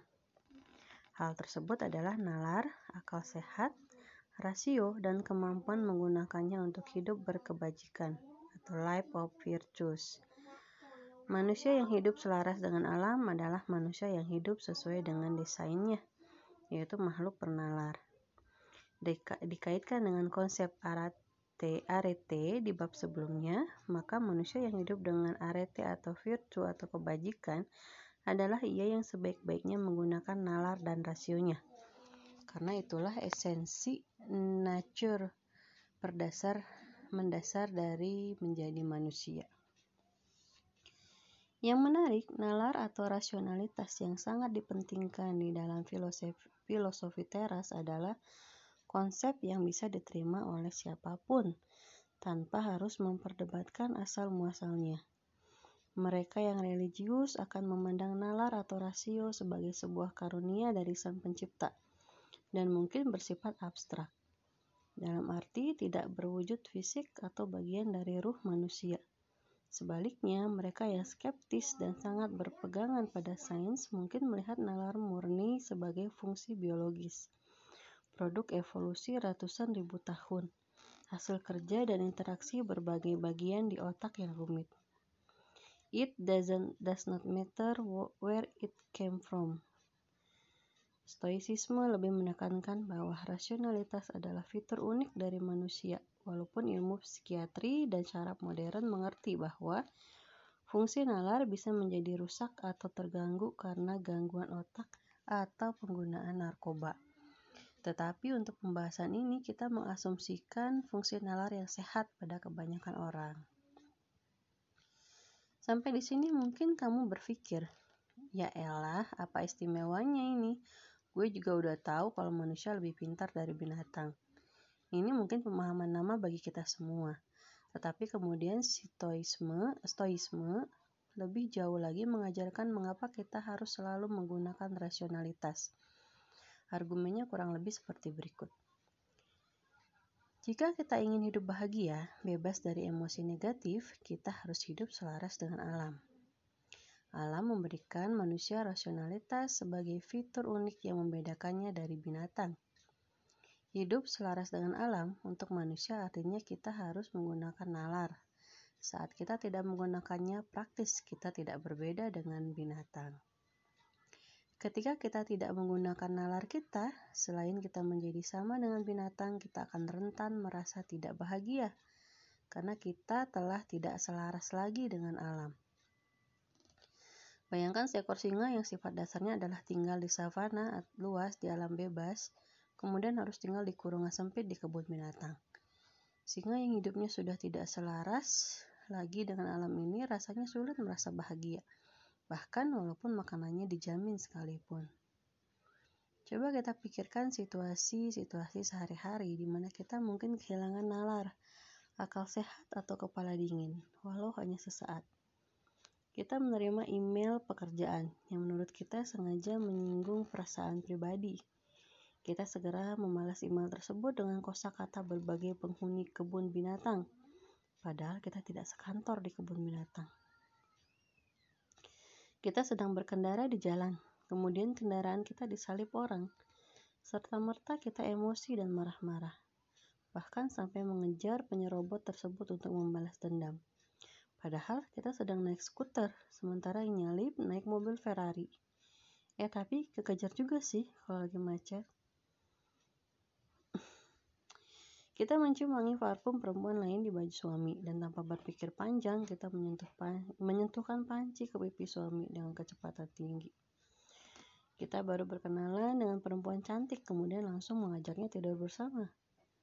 Kita membaca sebuah postingan provokatif di media sosial dan langsung emosi, sehingga kita marah-marah di bagian komen atau segera memforwardnya ke banyak orang tanpa mengecek dulu kebenarannya.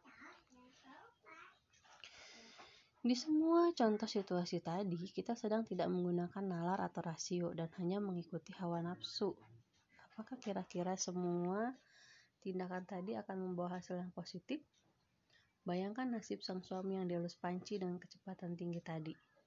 Inilah yang dimaksudkan di dalam stoicisme, agar kita hidup selaras dengan alam yaitu sebisa mungkin di setiap sisi, situasi hidup kita tidak kehilangan nalar kita dan berlaku seperti binatang, yang akhirnya berujung kepada ketidakbahagiaan dan dalam beberapa kasus benjol di kepala orang lain.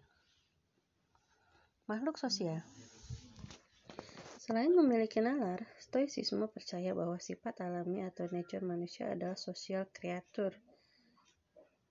makhluk sosial. Artinya, kita harus hidup sebagai bagian dari kelompok yang lebih besar. Jika ini digabungkan dengan prinsip manusia harus menggunakan nalar tadi, seorang praktisi stoa seharusnya hidup secara sosial, yaitu tidak mengisolasi diri dari manusia lainnya, dan juga berhubungan dengan orang lain secara rasional. Percuma kalau kita menjadi bijak dan tahu segala hal, tetapi memutus hubungan dengan sesamanya. Sebaliknya, percuma juga kita aktif secara sosial, tetapi tidak menggunakan nalar. Dan bahkan sampai dikuasai emosi negatif seperti marah, dengki, dan iri hati. Penggunaan nalar dan hidup sosial berjalan beriringan. Kita semua tahu bahwa hidup dengan orang lain pada kenyataannya memang tidak mudah. Setiap hari kita akan berhadapan dengan perilaku orang lain yang menjengkelkan. Para filsuf Stoa menyadari sepenuhnya hal itu. Dan nanti kita akan melihat bagaimana caranya praktisi stoicisme bisa hidup berdampingan dengan orang lain secara rasional dan damai. Keterkaitan segala sesuatu di dalam hidup atau interconnectedness. Oke. Okay. Hidup selaras dengan alam menuntut kita menyadari adanya keterkaitan interconnectedness di kehidupan ini. Stoicisme melihat segala sesuatu di alam semesta ini sebagai keterkaitan. Bagaikan jaring-jaring raksasa, termasuk semua peristiwa di dalam hidup kita sehari-hari. Dengan kata lain, kejadian-kejadian yang ada di dalam hidup kita adalah hasil rantai peristiwa yang panjang dari peristiwa besar sampai peristiwa yang terkesan remeh sekalipun. Jadi, jika suatu hari kita menginjak eh kucing di jalan umumnya tidak sengaja, maka inilah ini bukanlah sebuah peristiwa acak atau random, tetapi adalah hasil rantai banyak peristiwa lain. Misalnya si kucing yang di situ karena memang sudah kebelah dan pada saat itu titik tersebut tampak nyaman untuk si kucing buang hajat. Kemudian kita pas melewati jalanan tersebut dan sibuk stalking media sosial mantan sampai tidak memperhatikan jalan dan jrek. Terinjaklah eh, kucing itu oleh kita. Hmm, apa ini? Tidak ada peristiwa yang betul-betul kebetulan atau dengan kata lain, sesuatu yang sudah terjadi di masa lalu dan sedang terjadi pada detik ini juga adalah hal tak terhindarkan karena merupakan mata rantai dari peristiwa-peristiwa sebelumnya. Kamu mungkin berpikir bahwa ini mirip dengan konsep takdir. Perbedaannya adalah stoicisme tidak mengharuskan adanya dewi-dewi atau Tuhan uh, maaf dewa dewi atau Tuhan yang merancang keterkaitan peristiwa-peristiwa ini. Sebagian filsuf Stoa mengatribusikannya kepada Tuhan. Sementara sebagian lainnya sekadar melihat alam semesta bagaikan mekanisme raksasa yang bergerak menuruti hukum-hukum alam. Sama seperti konsep nalar di atas, tidak terlalu penting dari mana keterkaitan ini ada atau untuk bisa menjadikan stoicisme sebagai laku hidup. Yang penting adalah menyadari bahwa eksistensi setiap manusia adalah bagian dari alam yang lebih besar. Hidup kita sangat terkait di jaring semesta ini. Dan semua peristiwa dalam hidup ini menaati hukuman dan peraturan alam. Dunia sains modern mengenal the butterfly effect atau efek kupu-kupu di dalam chaos theory yang mengingatkan saya pada interconnectedness di stoicisme.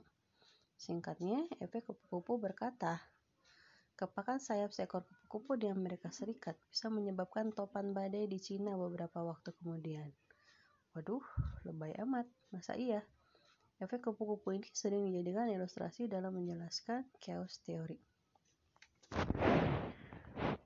Menurut sains, di dalam sebuah sistem non-linear, seperti cuaca, perubahan kecil saja seperti saya kepakan sayap kupu-kupu di waktu dan tempat yang tepat bisa menyebabkan reaksi berantai yang berujung pada perubahan yang sangat besar, seperti topan badai di tempat lain yang jauh. Menurut saya, teori modern ini sesuai dengan interconnectedness di dalam filosofi teras yang berusia 2000 tahun lebih.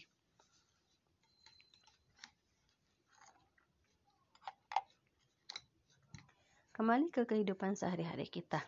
Coba kita membayangkan peristiwa-peristiwa penting dalam hidup kita yang tentunya lebih signifikan daripada menginjak kayak kucing di jalan. Bisa dimulai dari proses kelahiran kita. Tidakkah kita bisa merunut ke belakang rantai peristiwa yang akhirnya berujung kepada kelahiran kita?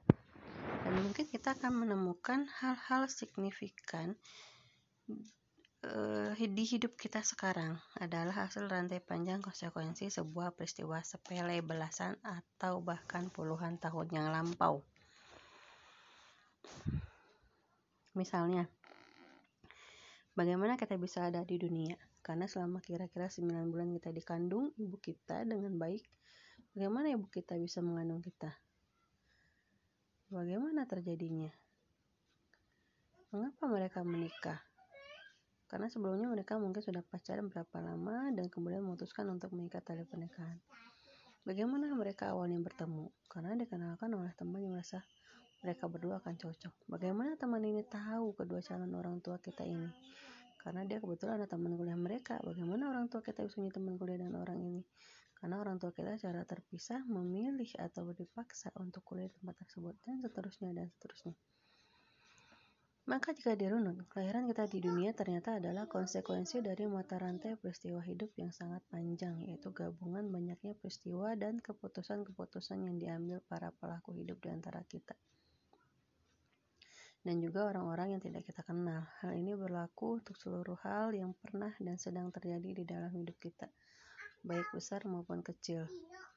Dari tempat kita akhirnya bersekolah atau berkuliah atau bekerja, sampai kejadian kita ketinggalan kereta semua peristiwa-peristiwa ini sesungguhnya tidak berdiri sendiri atau isolated, tetapi hanyalah bagian dari mata rantai peristiwa yang terus bersambung. Filosofi teras melihat semua peristiwa hidup sebagai sebuah keteraturan kosmos dari peristiwa-peristiwa terkait. Karena keterkaitan atau termasuk di dalamnya semua peristiwa di kehidupan kita adalah bagian dari alam atau nature maka melawan atau mengingkari peristiwa yang terjadi dianggap sama dengan melawan alam. Dan seperti yang telah dijelaskan sebelumnya, stoicisme mengajarkan agar manusia hidup selaras dengan alam. Melanjutkan contoh sebelumnya, marah-marah karena sepatu Jordan terbaru kita menginjak ee kucing adalah melawan alam dan sebuah kesia-siaan. Lebih sia-sia lagi, marah-marah kepada sang empunya ee Begitu juga dengan menyesali kondisi kita dilahirkan, entah itu kondisi keluarga, negara kita, kondisi kesehatan kita saat dilahirkan, dan lain-lain. Semuanya sudah terjadi mengikuti keteraturan alam. Semua hal yang telah terjadi di masa lalu dan baru saja terjadi detik ini, termasuk sekarang saat kamu sedang membaca buku ini, terjadi mengikuti aturan alam for fun. Coba dirunut peristiwa-peristiwa yang menyebabkan kamu detik ini sedang membaca buku ini. Apakah artinya filosofi ini mengajarkan pasrah pada keadaan? Sama sekali tidak. Di bab berikut kita akan memahami mengapa penerimaan stoicisme akan peristiwa hidup sama sekali tidak sama dengan kepasrahan total. Intisari bab 3 Manusia harus hidup selaras dengan alam jika ingin hidup yang baik. Keluar dari ketidakselarasan dengan alam adalah pangkal ketidakbahagiaan. Hidup selaras dengan alam artinya kita harus sebaik-baiknya menggunakan nalar, akal sehat, rasio, karena itulah yang membedakan manusia dari binatang. Filosofi teras percaya bahwa segala sesuatu di alam ini saling terkait atau interconnected termasuk di dalamnya segala peristiwa yang terjadi di dalam hidup kita. Melawan atau mengingkari apa yang telah terjadi artinya keluar dari keselarasan dengan alam. Oke, selesai bab 3. Kita ketemu lagi di episode berikutnya di bab 4 ya. Terima kasih. Oke, gimana? Udah siap dengan bab 4? Kalau udah siap, kita lanjut ya. Bab 4 ini judulnya adalah dikotomi kendali. Kita mulai. Kita kalah tender. Kira-kira begitu bunyi email yang masuk ke inbox saya.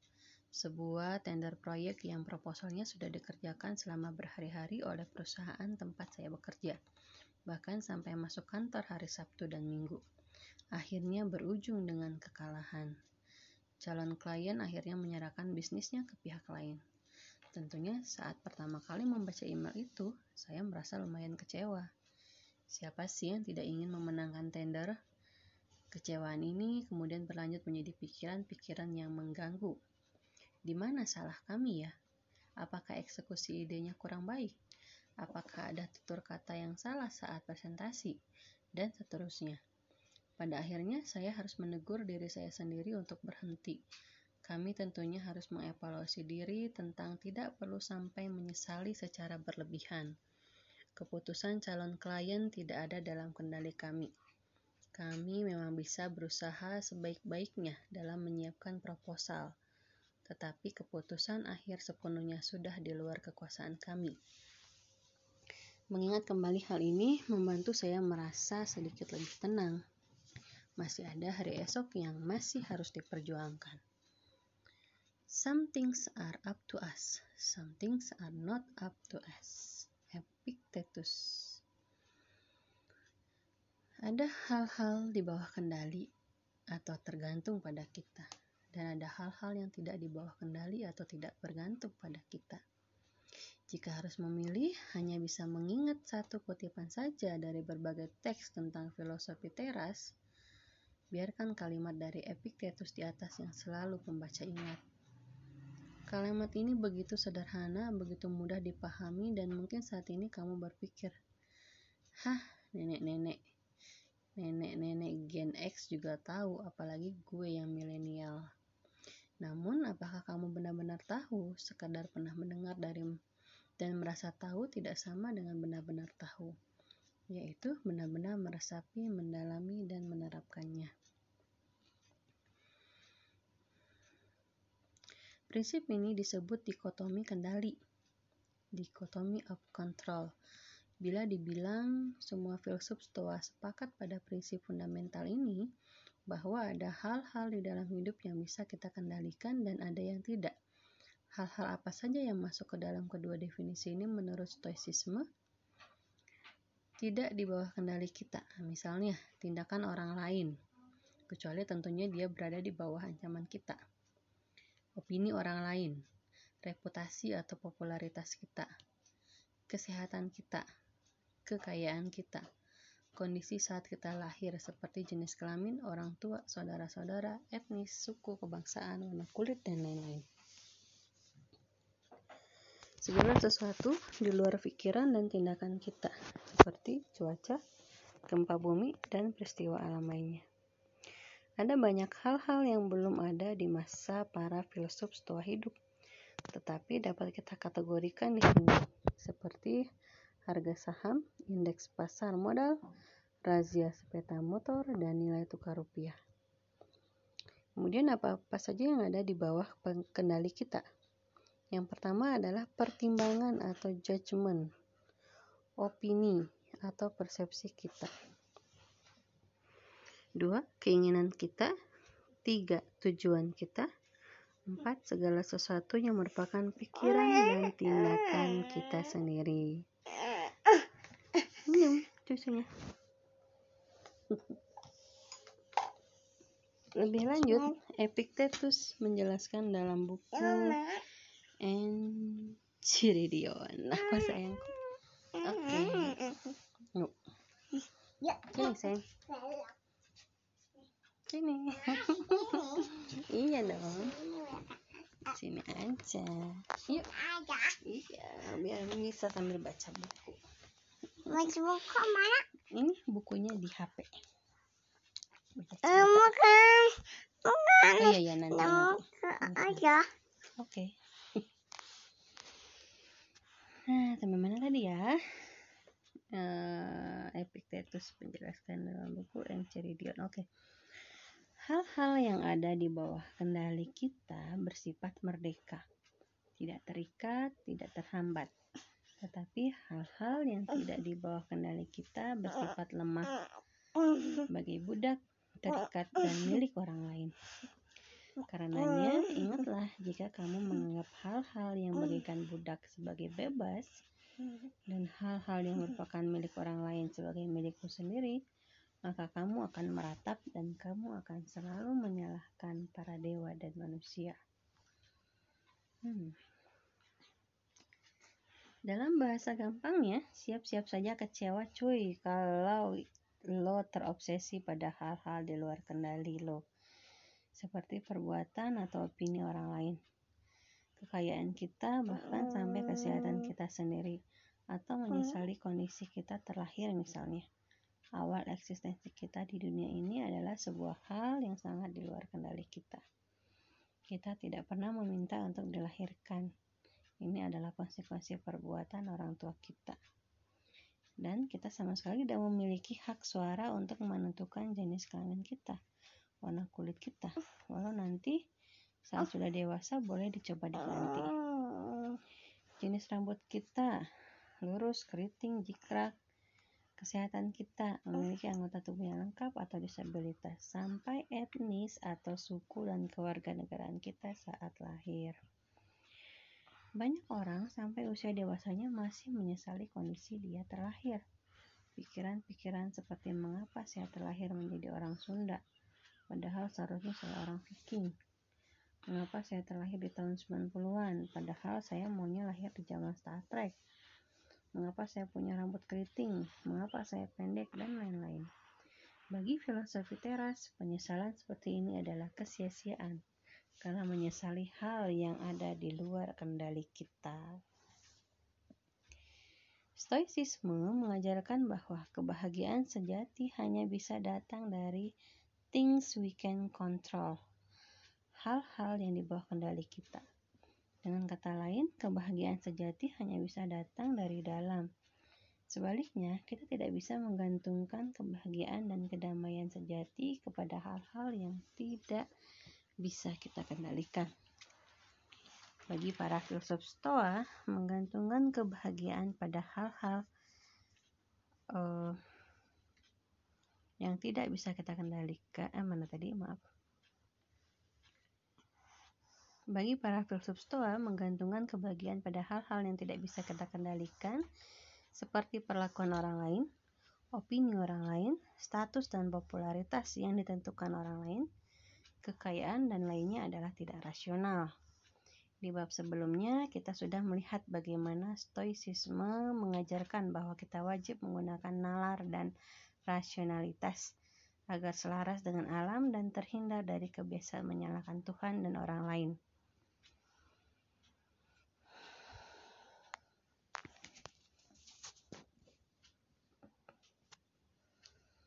Menggantungkan kebahagiaan pada hal-hal yang di luar kendali itu tidak rasional. Karena bagaimana kita bisa benar-benar bahagia jika pencapaian akan hal-hal tersebut tidak sepenuhnya berada di tangan kita. Hal-hal ini tidak merdeka, bagaikan budak dan merupakan milik atau ditentukan oleh orang lain. Jika kita hanya merasa bisa merasa bahagia dengan hal-hal yang ada di luar kendali kita, ini sama saja dengan menyerahkan kebahagiaan dan kedamaian hidup kita kepada pihak atau orang lain. Perilaku tersebut bertentangan dengan filosofi teras, seperti yang akan kita bahas berikut. Sampai di sini mungkin ada dari kamu yang berpikir, tidakkah kekayaan datang dari kerja keras dan ide-ide startup brilian kita? Tidakkah Tidakkah ketenaran bisa dibangun dengan jerih payah kita? Seperti misalnya memposting ratusan selfie dan video di media sosial. Apalagi soal kesehatan, masa sih ini di luar kendali kita? Sejak kecil kita diajarkan untuk memelihara kesehatan dengan mengkonsumsi makanan sehat dan berolahraga. Harusnya kekayaan dan ketenaran apalagi kesehatan termasuk dalam hal-hal yang bisa kita kendalikan dong.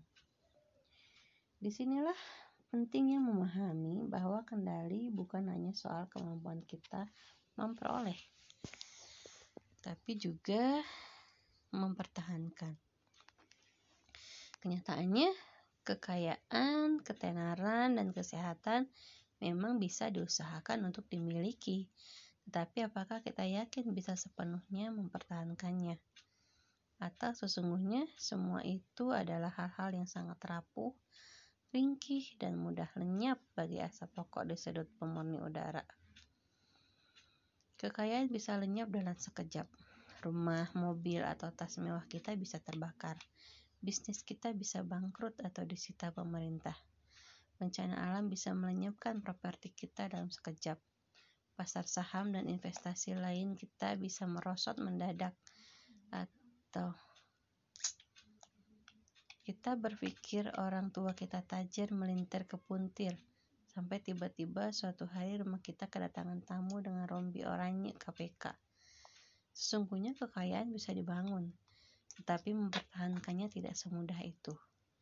Filosofi teras dimulai oleh seorang pedagang kaya yang kehilangan kekayaannya dalam sekejap di kapal karam. Zeno tahu betul bahwa harta miliknya adalah tidak tergantung padanya. Hmm.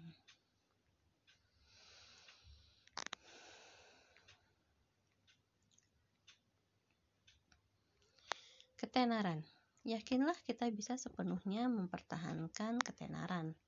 Popularitas yang dibangun bertahun-tahun dengan susah payah bisa lenyap dalam sekejap hanya karena salah omong atau salah posting di media sosial. Sekedar mendukung calon kepala daerah yang salah atau foto enak-enak dengan mantan tiba-tiba tersebar, sesungguhnya ketenaran dan reputasi kita sangatlah rapuh.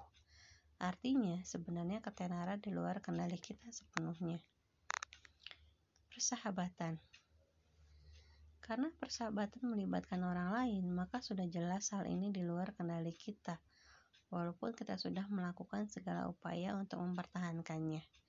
Kita bisa bersikap jujur, menghormati, menghargai, dan berusaha menyenangkan teman. Tetapi tetap saja, persahabatan bisa menjadi dingin dan mati karena satu dan lain hal. Misalnya sama-sama naksir orang yang sama. Kesehatan ini pasti bagian yang paling membingungkan, tetapi sangat mudah dijelaskan. Mengapa kesehatan tidak termasuk hal yang bisa kita kendalikan? Bayangkan skenario ini. Seseorang hidup sangat sehat, menjaga makanan, tidak merokok, apalagi narkoba, tidak mabuk-mabukan, olahraga yang teratur, mencukur bulu ketiak setiap minggu, dan semua kebiasaan sehat lainnya.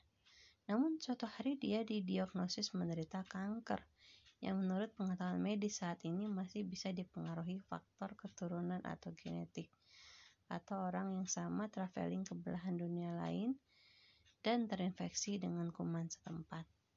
Atau orang yang sama sedang lari pagi dan tiba-tiba ditabrak secara tidak sengaja oleh anak muda yang baru pulang party dalam keadaan mabuk. Dan pada akhirnya orang tersebut menderita cacat seumur hidup. Sesungguhnya sama seperti kekayaan, kesehatan sewaktu-waktu bisa direnggut oleh nasib. Jadi menyangkut hal-hal di luar kendali kita seperti kekayaan, reputasi, dan kesehatan, bahkan sesudah memilikinya, kita akan selalu dihantui rasa was-was kehilangan hal-hal tersebut. Karena semua ini berada di luar kendali kita, maka kemungkinan hal tersebut hilang benar-benar nyata. Kita bisa kehilangan karir, reputasi, status, pacar, maupun harta dalam sekejap Lalu, karena tidak berada di bawah kendali kita, maka hal tersebut bisa direnggut sewaktu-waktu dari kita. Dan tidak masuk akal untuk menggantungkan kebahagiaan pada hal-hal yang kapan pun bisa lenyap dari hidup kita. Filsuf Stoa mengambil pendekatan yang sangat logis. Ngapain lo bahagia untuk sesuatu yang sewaktu-waktu bisa hilang? Siapa pun yang mengingini atau atau menghindari hal buruk dalam hidup kita seperti kemiskinan, kesusahan hidup, kejahatan, kematian, dan lain-lain. Namun sama dengan keinginan, maka menghindari hal-hal yang di luar kendali kita adalah kesia-siaan. Keinginan dan ketakutan akan hal-hal di luar kendali kita bagikan rantai yang membelenggu, sehingga kita tidak pernah benar-benar merdeka ketika segala keputusan hidup kita didorong dan dipengaruhi oleh nafsu ingin memiliki atau menghindari hal-hal di luar kendali kita, Sebenarnya kita telah diperbudak hal-hal tersebut. Jika ingat empat kebajikan atau virtu dalam filosofi teras, keberanian, kebijaksanaan, menahan diri atau temperance, dan keadilan. Maka dua di antaranya, keberanian dan menahan. Duh, aku pencet.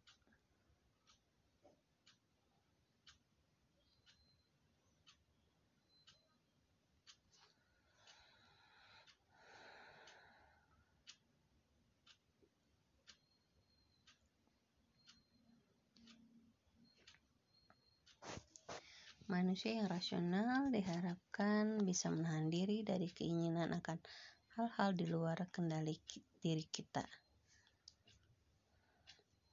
Harta benda, reputasi, kenikmatan ragawi seperti makanan dan minuman, serta kesehatan.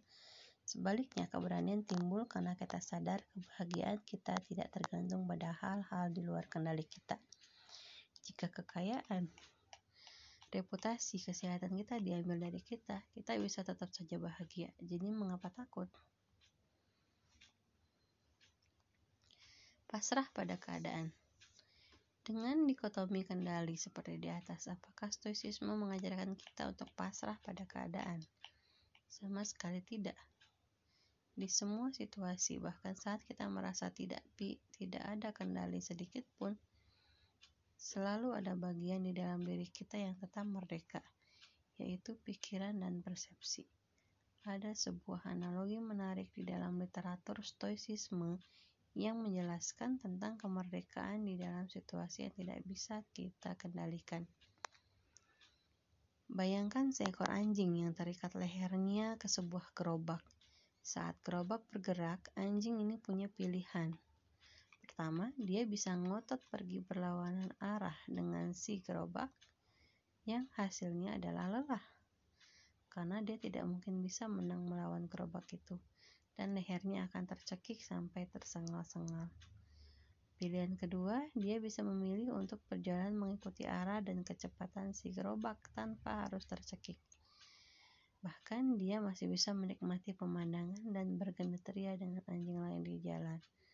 Ketika anjing ini melawan hal-hal yang di luar kendalinya, dalam hal gerobak yang berjalan, dia hanya menemui penderitaan.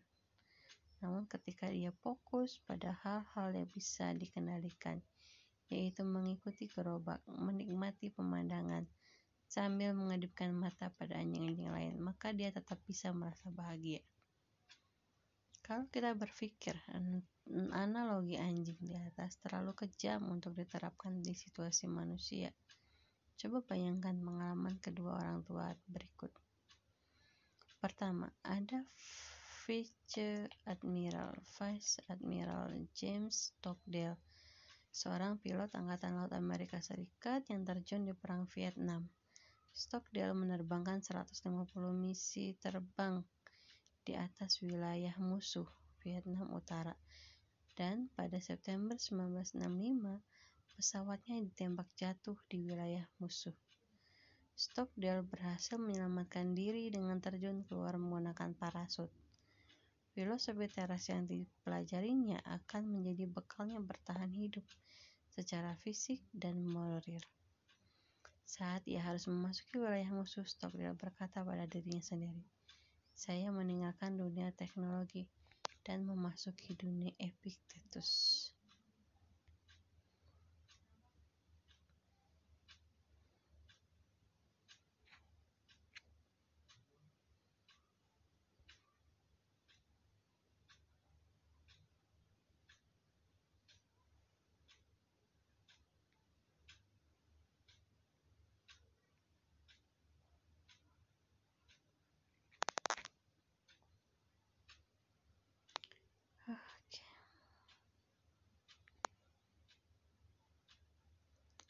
ini rada ini ya kalimatnya ya saya cukupkan dulu mungkin di sini.